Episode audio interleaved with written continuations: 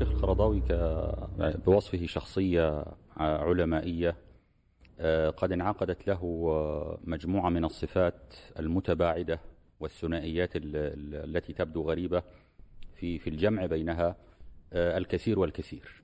من هذه الثنائيات العلم الشرعي والموقف الشرعي. كثير من العلماء آه، عنده موسوعية وعنده علوم ومؤلفات وإلى آخره ويعيش بين المكتبات والكتب والأوراق والأقلام. وهكذا لكن هو يعيش في حالة عزلة عن هموم الأمة وقضايا الأمة والتحديات التي تواجه الشعوب إلى آخره آه، وبعض الناس منفصل عن العلم وسائح في الواقع لا يستهدي بعلم شرعي ولا بوحي شريف فالشيخ القرضاوي جمع هذه الثنائية العلم الشرعي الموسوعي الأصيل الذي تلقاه في الأزهر وتربى فيه على مشايخ عظماء أجلاء قمم في العلم. وأفاد بعد ذلك من انضمامه للحركة الإسلامية وانتمائه لها هذا البعد العملي الواقعي الحركي الذي فتح آفاقه كما ذكر هو رحمه الله في سيرته الذاتية وحوله من مجرد واعظ إلى مجرد عالم يعنى بالأمور الإصلاحية وبهموم الأمة وواقع الأمة. وهذا جعله من أصحاب المواقف الشرعية المواقف الشرعية الذي يتخذ من المواقف ما لا يحسب له حسابات. كثير من العلماء قبل أن يتخذ الموقف إذا اتخذ موقفا يحسب حسابات ويشوف الموازنات والموجة هتمشي تروح فين؟ والأمر ده هيضرني ولا لا؟ هيؤثر علي في المستقبل أم لا؟ ممكن آه، دولة تقطع علاقتها بي دولة تمنعني من دخولها. لا الشيخ القرضاوي رحمه الله تعالى كان يقف الموقف الحق المؤيد للشرع والمحقق لمصلحة الأمة. وفق و... اجتهاده. نعم والمناصر لحقوق الشعوب. آه، أيا كان. ولذلك آه، من مناقب الشيخ القرضاوي الحاجات التي جمعها كما لم تجتمع لأحد من العلماء المعاصرين فيما أعلم أنه صدر بحقه حكمان إعدام أو حكم إعدام حكم من النظام المصري وحكم من النظام السوري. لماذا؟ لأن الشيخ صاحب موقف. قد يتخذ الناس بعض التدخلات السياسية للشيخ القرضاوي ويظنونها من السلبيات أن الشيخ القرضاوي تدخل كثيرا في السياسة وأفتى كثيرا في أمورها ونزل إلى جزئياتها وتحدث فيها. وهذا ربما أفقده بعض الناس لكن الشيخ كان لا يبالي بهذا لا كان يبالي بجماهيرية ولا بحكام أو طغاة أو مستبدين. كان صاحب موقف شرعي وأنا أعتقد أن تاريخ الأمة الإسلامية لم يحتفظ الذاكرة التاريخية للعلماء لم تحتفظ إلا بهذه النوعية من العلماء النوعية العالمة العاملة وهذا الذي قاله ابن القيم. قال إن السلف مجمعون على أن العالم لا يكون ربانيا إلا إذا علم وعمل وعلم. فمن علم وعمل وعلم فذاك يدعى عظيما في ملكوت السماوات. يا سلام. والشيخ القرضاوي لا يهمه أن يدعى عظيما في الأرض.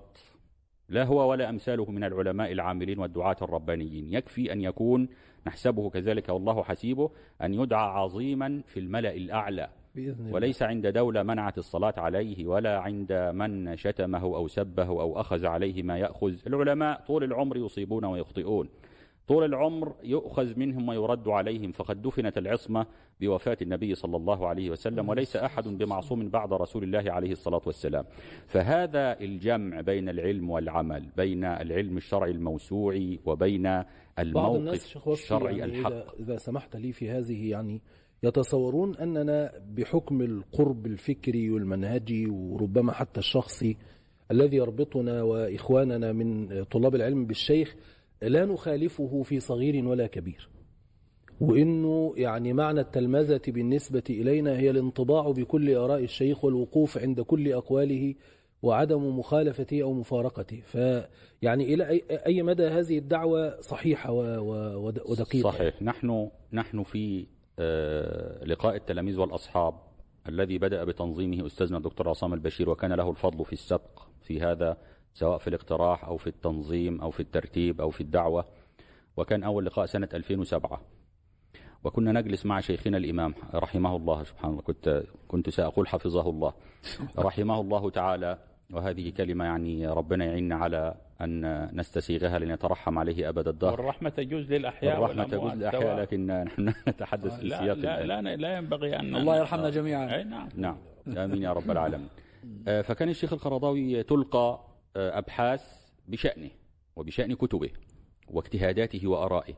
وكان هناك بعد الانتقادات والمناقشات والمطالبة بمراجعة بعض الفتاوى الصادرة عن فضيلة الشيخ.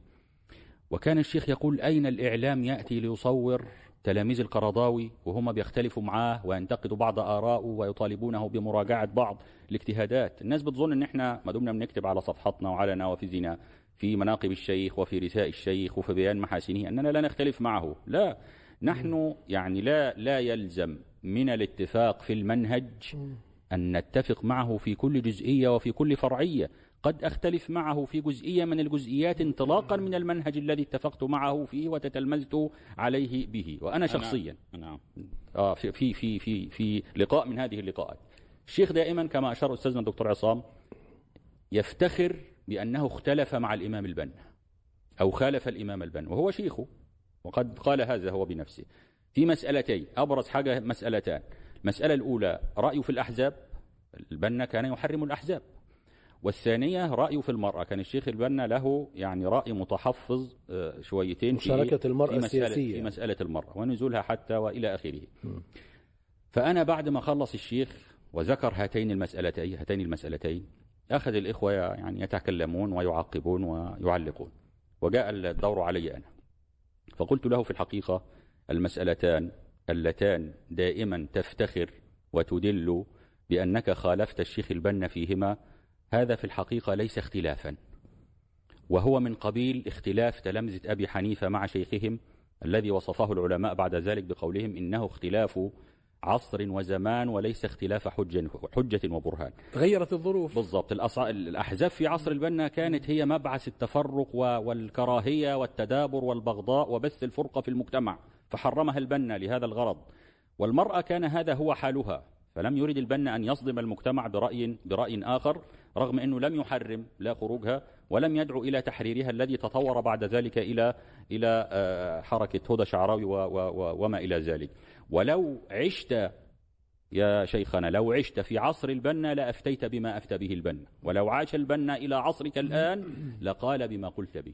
على كل- وأقرني الشيخ البنا على, على, كل- هذا؟ على وقال هذا كلام لا- لا- سليم. حتى ولو اختلف معه اختلاف حجة وبرهان ليس في ذلك من حرج. أبدا. صحيح. يعني ال- الذي آه، أنا في هذا الملتقى وكنت رئيس اللجنة التحضيرية ألقيت كلمة قلت إن التلمذة هي تلمذة منهج وليس مذهب. صحيح. وهذا نقوله ليس فيما يتعلق بالشيخ القرضاوي إنما كل أعلام الأمة من سلفها الصالح. تراث السلف ومعارف الخلف. أن الانتماء انتماء منهج المنهج العام الذي أصلوه وحفروا حفروا مجراه في الالتزام بمرجعية الكتاب والسنة على هدي السلف الصالح فهم النصوص في مجموعها في سياقها الظرف الذي وقعت فيه اعتبار المآلات واعتبار الموازنات هذا هو المنهج. أما في الجزئيات أنا أذكر على سبيل المثال في الاتحاد العالمي لعلماء المسلمين وهو رأس الاتحاد. وهذا هو مشروعه الذي سعى له وأسسه ورسخه و وكان من المبادرين في هذا أيضا دكتور عبد المجيد النجار كان في نفس هذه الفكرة. وطرح أشياء اجتهد فيها وقلنا له يا شيخ هذا الموقف يمثلك شخصيا ولا يمثل الاتحاد كمؤسسة. وقبل هذا وصدر منا بيان أن ما عبر عنه الشيخ في هذه القضية ولا أريد أن أسميها أن هذا يعبر عن رأي الشيخ اجتهادا منه وأما رأي المؤسسة فكذا.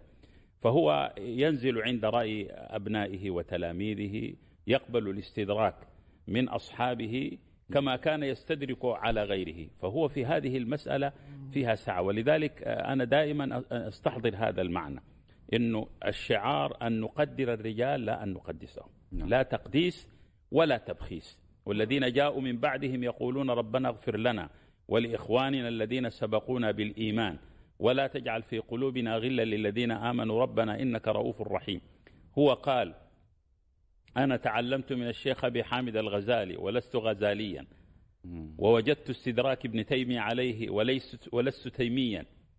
وتتلمذت على الشيخ البنا ولست بنائيا. أخذت من هؤلاء وقدرتهم. وأعرف مكانتهم وأحبهم وأجلهم.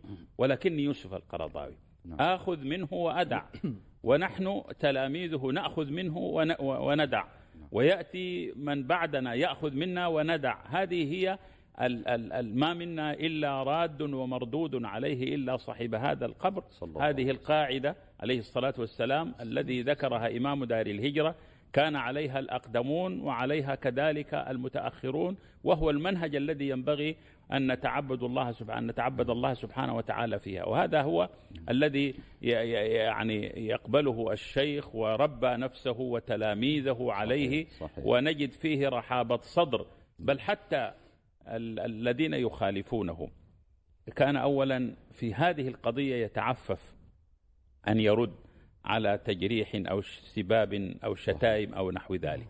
كان ينظر إلى القيمة الموضوعية فيما كتبها مخالفوه. فإن وجد خيرا نزل عنده.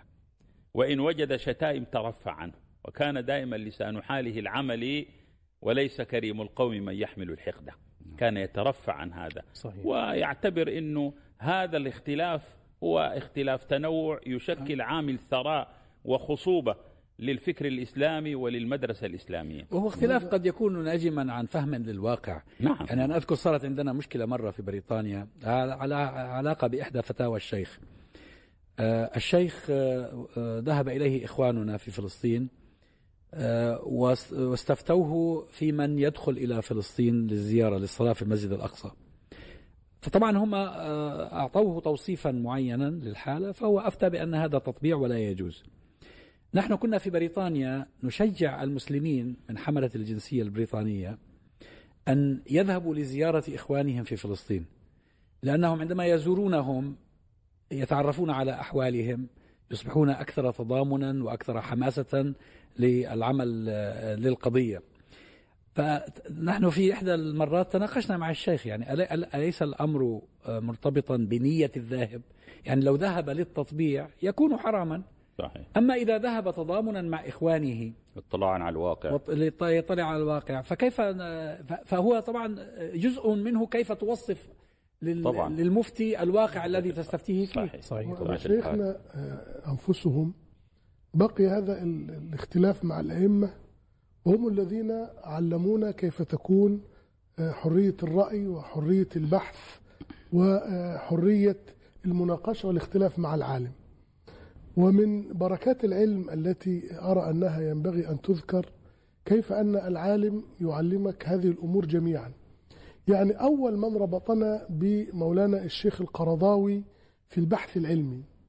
كان أحد كبار تلاميذ الإمام البنا وأحد كبار شيوخ الأزهر أستاذنا الدكتور محمد عبد المنعم البري رحمه الله. الله. كان رئيس جبهة علماء الأزهر.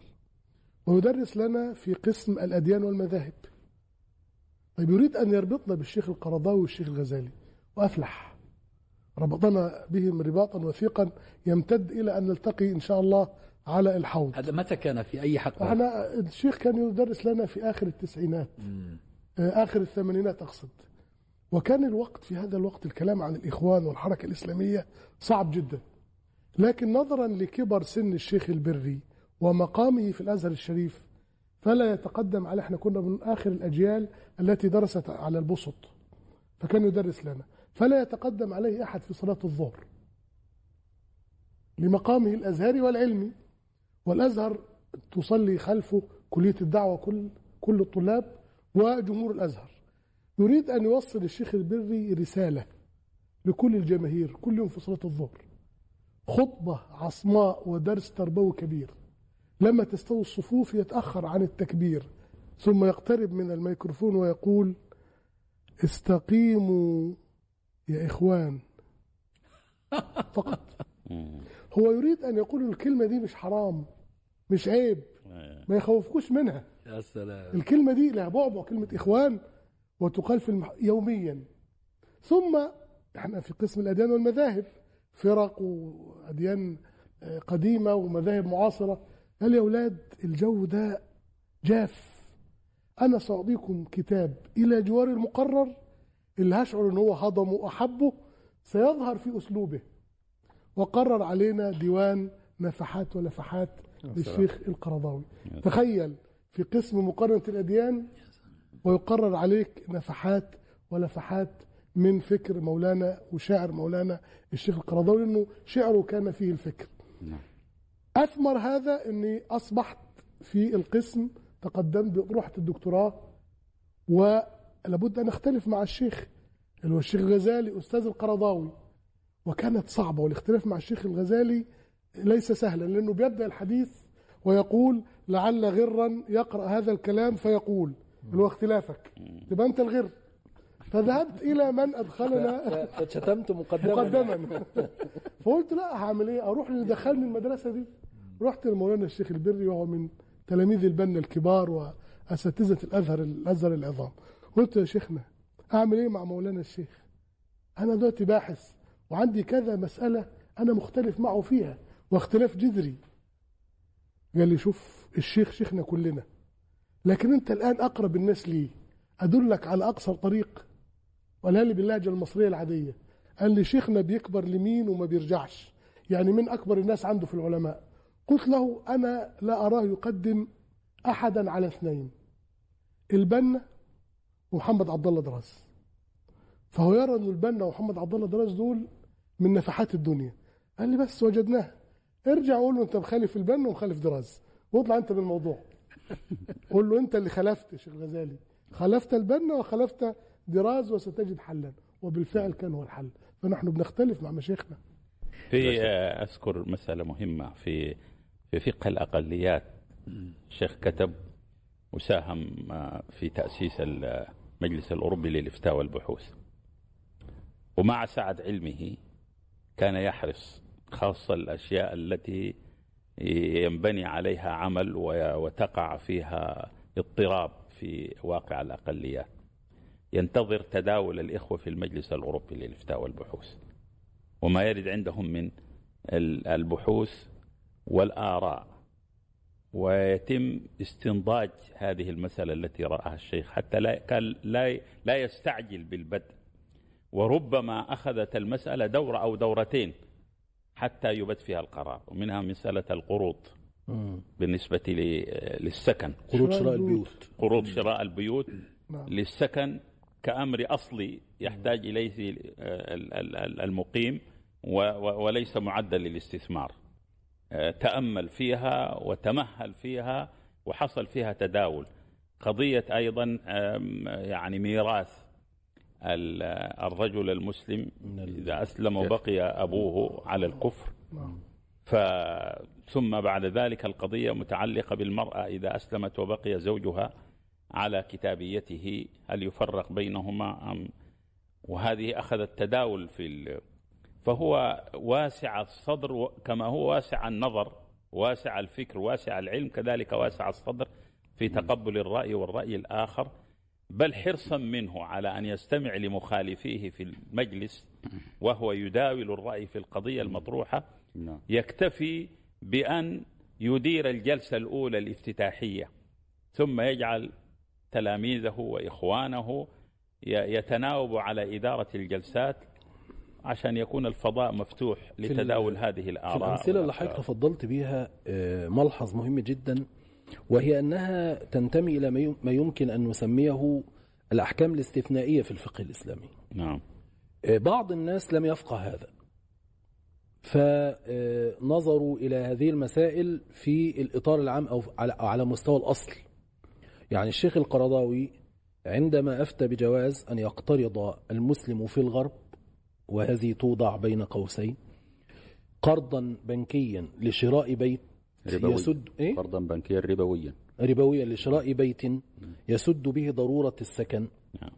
ويراعي سياقا خاصا استثنائيا تماما لمسلم مقيم في غير دار الإسلام تكتنفه ضرورة ملجئة في غالب الأمر وليس عنده بدائل متاحة وليس عنده بدائل نعم. ومن ثم هو لم يقل كما يقول بعض الذين لم يفقهوا المسألة عنه بحل فوائد البنوك الربوية. نعم. لأنه الآن تفاجأ أنه هناك من يقول لك والله أنا أخذ على الشيخ مسائل أول مسألة أنه أفتى بحل الفوائد البنكية أصدر فيها رسالة صريحة مبكرة بحرمة الفوائد البنكية فوائد صحيح. البنوك هي الربا الحرام. أي نعم. صحيح. و- وموقفه في ذلك واضح وضوح الشمس. صحيح. فلا بد أن نفرق في منهج الشيخ بين الفتاوى التي تنزلت على مستوى الضرورة أو الحاجة الملجئة التي تنزل منزلة الضرورة فهي في فقهه تعبر عن حالات استثنائية في الواقع وبين الأصل الذي أصل له فلا يجوز أن يحكم الاستثناء أو يصور على أنه كان الرأي الأصلي للشيخ في أصل المسألة. وهذا ذكروا ضمن السياق آه، منهجية فقه الأقليات. صحيح، أقل- غالب قضاياها خارج عن حد الأصل إلى وقوع إلى الاستثناء. صحيح. نعم، ف-. مسألة تفضل. سعة آه، سعة آه، صدر الشيخ. وسعة أفقه وسعة علمه. أريد أن ألفت هنا إلى ملمح مهم جدا آه، يتعلق بالشيخ كإنسان وبالشيخ كمنتج وتراث آه، وأثر تركه من علم. آه، أنا في ظني يعني هذا الملمح بدا لي بعد وفاة الشيخ القرضاوي وأنا تأملت طويلا لأني مرضت فترة طالت وكنت أتأمل. الإنسان المريض بيتأمل يعني يحلو له التأمل في هذه الأوقات. فتأملت وجدت أن خصائص تأليف الشيخ القرضاوي وخصائص فكره وفقهه هي انعكاس مباشر لخصائص ذاتية إنسانية في شخص الإمام القرضاوي. يعني شخصية خصيصة التيسير التي اشتهر بها وذاع صيته التيسير في الفتوى والتبشير في الدعوة. كان الشيخ القرضاوي كهذه هذه الخاصية في شخصيته. هو ميسر آه، سهل سهل في لقائه سهل في الحصول عليه رغم إمامته ومشاغله سهل في التعامل يعني عمره ما يسمح للضيف أن يعني يروح يجيب شيء. هو اللي يخدم على الضيف بنفسه. آه، الشيخ القرضاوي مثلا آه، مسألة الوسطية. هو إمام الوسطية في عصرنا بلا منازع. وقد ضبط الوسطية في كتاب في كتاب كامل نشرته دار الشروق. عنده أيضا وسطية في شخصيته الذاتية. يعني مثلا كنا في لقاء الأصحاب والتلاميذ. وكنا بنقعد أسبوعين في ال- ال- السنة. والأسبوعين دول كل يوم لا يقل عن 12 ساعة مثلا. نقاش معاه وحوار وعرض أفكار وبحوث إلى آخره. وبعدين جاء في يوم من الأيام قال في واحد عازمنا في مزرعة. يعني إكراما للشيخ القرضاوي هو عازم الشيخ القرضاوي وتلامذته في مزرعته. فأنا قمت بطبيعتي ال- الريفية الفلاحية وقلت له يا مولانا نحن آه، آه، أتينا من بلاد شتى وجئنا هنا لكي نستثمر الوقت مع فضيلتك للتعلم والإفادة والاستفادة. فأنا بقترح إن إحنا يعني نرجئ هذه هذه الخروجة ونكمل مع فضيلتك ما جئنا لأجله. فقال يعني نعتذر للراجل؟ الراجل يا أخي دعانا نعتذر نقول له لا مش جايين. ده الشيخ احتد في في الرد. فأنا سكت لميت الموضوع وسكت.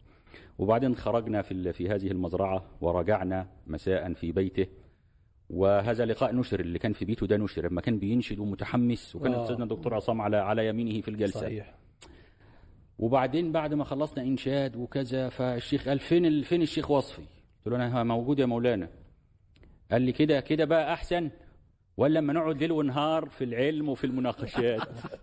يا أخي آه، يعني ساعة وساعة. آه الوسطية إن مطلوبه في ديننا فسحة. ونستعين بهذا على ذاك. مش كل الوقت جد ولا كل الوقت لعب وكذا. فدي أيضا وسطية في شخصه. فأنا أقول إن خصائص إنتاج القرضاوي ومنجز القرضاوي في سائر العلوم وسائر ما كتبه كل خصيصة هي موجودة في شخص الإمام القرضاوي. وهذا درس مهم جدا لإخواننا وسادتنا العلماء إنه العلم لا ينبت إلا في النفوس الصافية ولا يثمر إلا في القلوب المخلصة النفوس الملتوية الخبيثة التي تحمل الحقد وتحمل الغل وتسعى إلى أغراض ما شخصية أو ذاتية أنا أقول هذه الشخصيات والنوعيات من العلماء لا يبارك الله لها في علم ولا ينبت في قلبها علم ولا يثمر لها علم ولا ينتشر ولا يكون عمرا عريضا. بتعبير الإمام آه، أنا ابن تبسط. أحب أقف في مسألة الوسطية لأن فيها بعض الإشكاليات. وخاصة أنه الآن مصطلح الوسطية للأسف يستغل استغلالا سيئا. صحيح صحيح. اولا ال ال الوسطية الشيخ آه، وهي في اللغة أيضا ترجع إلى ثلاثة أمور. الأمر الأول الوسطية تعني العدل. قال أوسطهم أعدلهم. ثانيا الوسطية تعني الخيرية. كان رسول الله صلى الله عليه وسلم أوسط العرب نسبا. صلى الله عليه وسلم. الأمر الثالث التوازن المحمود الذي يعصم الفرد أن يقع فريسة بين طرفي الإفراط والتفريط. ولذلك الملمح الأول في منهج الشيخ في تعزيز هذه الوسطية تأصيلا وتنزيلا. أنه حارب على جبهتي طرفي الوسطية. ال- ال- المغالون والمرخصون. الإفراط والتفريط. صحيح. لو وقف الإنسان عند أحد الطرفين لم يكن وسطيا. لو حارب الطرفين. لو ح... نعم لو حارب الغلو وحده لا يكون وسطيا. إلا أن يحارب التمييع والتقصير والتفلت.